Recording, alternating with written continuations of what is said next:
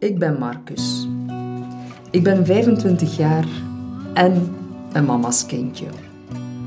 Maar die verdomde stemmen in mijn hoofd zorgden ervoor dat mijn moeder me buiten zette. Ik terroriseerde haar en de buren. Het is te zeggen, die stemmen terroriseerden ons.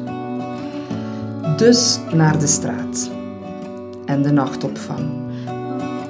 Na anderhalf jaar rondzwerven op straat, een versnelde toewijs van een sociale woning.